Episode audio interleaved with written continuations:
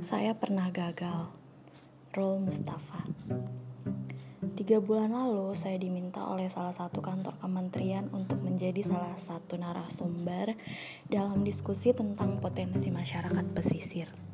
Karena tema yang gak berat-berat amat, saya menyetujuinya.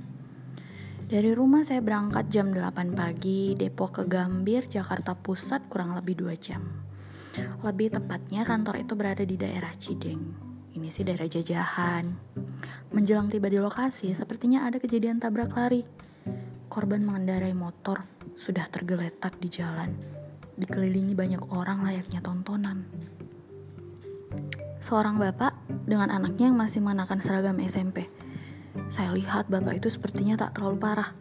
Sedangkan si anak meringis kesakitan karena terdapat beberapa luka. Saya membantu mereka, kebetulan tak jauh dengan RSUD setempat Si bapak membawa motornya, anaknya naik mobil saya.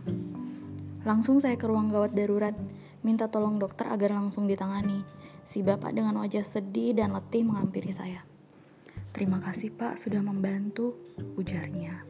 Iya pak, sama-sama, timpal saya. Masih dengan wajah letihnya, murung dia bercerita banyak tentang keluarga dan pekerjaannya. Rupanya dia seorang petugas keamanan di sebuah kantor kecil di Jakarta ini. Saya juga salah pak, saya agak mengantuk.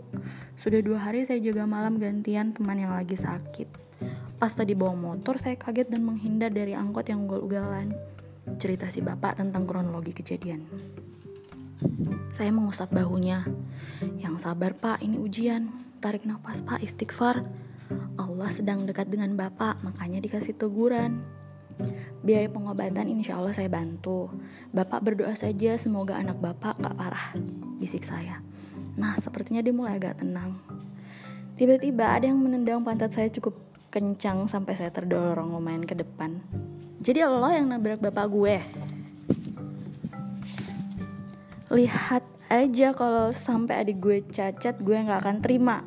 Seorang anak muda rupanya hampir saja memukul saya.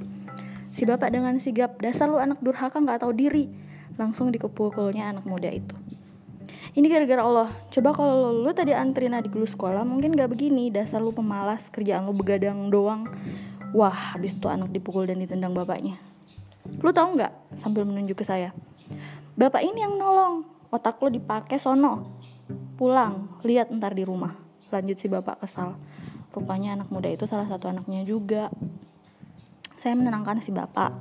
Nggak apa-apa mungkin anak bapak emang nggak tahu. Biasalah namanya anak muda emosinya tinggi. Ah saya malu sama bapak. Bapak yang nolong malah ditendang. Emang tuh anak nggak tahu diri. Kali ini dia malah menangis. Ah jadi deh saya peluk si bapak. Begitulah kawan. Kadang pelukan kita bukan cuma untuk kekasih atau keluarga. Pelukan kita banyak dibutuhkan oleh mereka yang dalam kondisi lemah Alhamdulillah si adik selesai ditangani dokter dan gak ada luka yang serius. Hanya ada sedikit luka yang harus dijahit. Saya antar keluarga ini pulang sampai di rumah si anak muda menangis juga dan sujud di kaki saya minta maaf.